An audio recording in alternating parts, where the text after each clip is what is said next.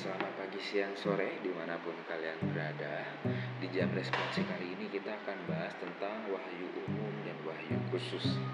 Karena materi ini sangat menarik nanti semoga saja kalau seandainya kita bisa kembali bertatap muka Tentu di kelas akan semakin lebih lagi menarik dalam berdiskusi tentang ini.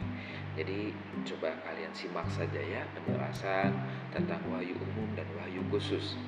Oke, kita mulai dari wahyu umum dulu nih.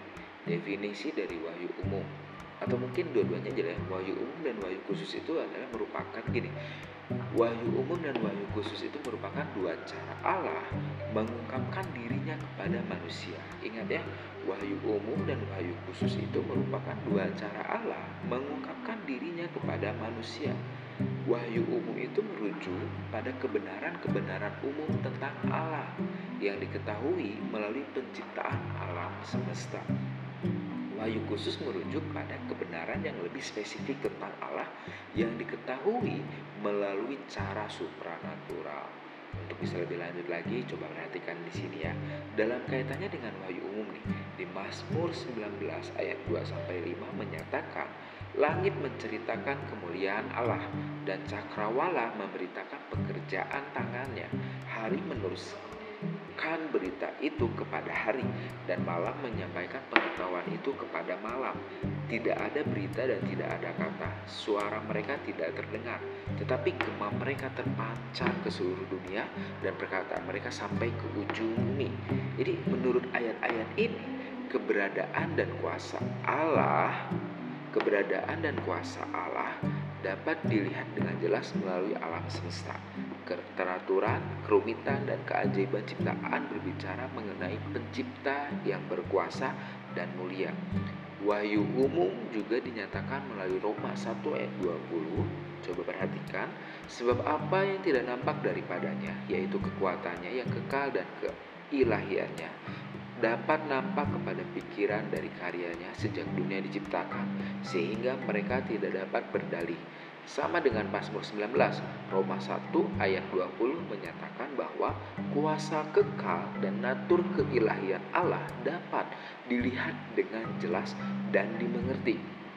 Ini ya, dapat dilihat dengan jelas dan dimengerti dari apa yang diciptakannya dan tidak ada alasan bagi manusia untuk menolak fakta ini.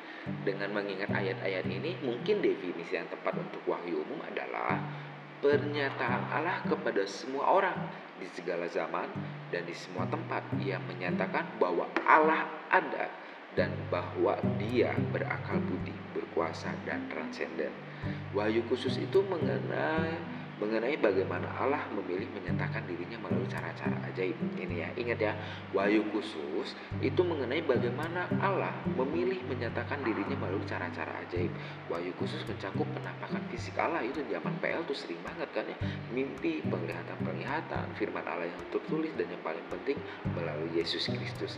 Alkitab mencatat nih Allah berkali-kali menampakkan diri dalam wujud fisik. Beberapa contoh antara lain ya di dalam kejadian 3 ayat 8, kejadian 18 ayat 1, di keluaran 3 ayat 1 sampai 4, keluaran 3 4 ayat 5 sampai 7. Terus e, di situ nanti kalian coba cek bagaimana sih kisah-kisah Allah gitu kan dalam menampakkan wujudnya kepada orang-orang pilihannya. Terus kedua, Alkitab mencatat Allah berbicara kepada manusia melalui mimpi. Nah, jadi selain menampakkan wujudnya, pernah juga Allah berbicara dalam mimpi melalui mimpi itu di dalam kejadian 28 ayat 12 37 ayat 5 satu raja ayat 3 ayat 5 ah, satu raja raja 3 ayat 5 Daniel 2 dan penglihatan-penglihatan di kejadian 15 ayat 1, Yeskiel 8 ayat 3 sampai 4, Daniel 7, 2 Korintus 12 ayat 1 sampai 7. Nanti kalian coba cek untuk bisa mendapatkan alamat-alamat Alkitabnya, nas-nas Alkitabnya, kalian coba putar ulang ya kan supaya bisa dengar uh, ada di mana saja sih kisah-kisah ini.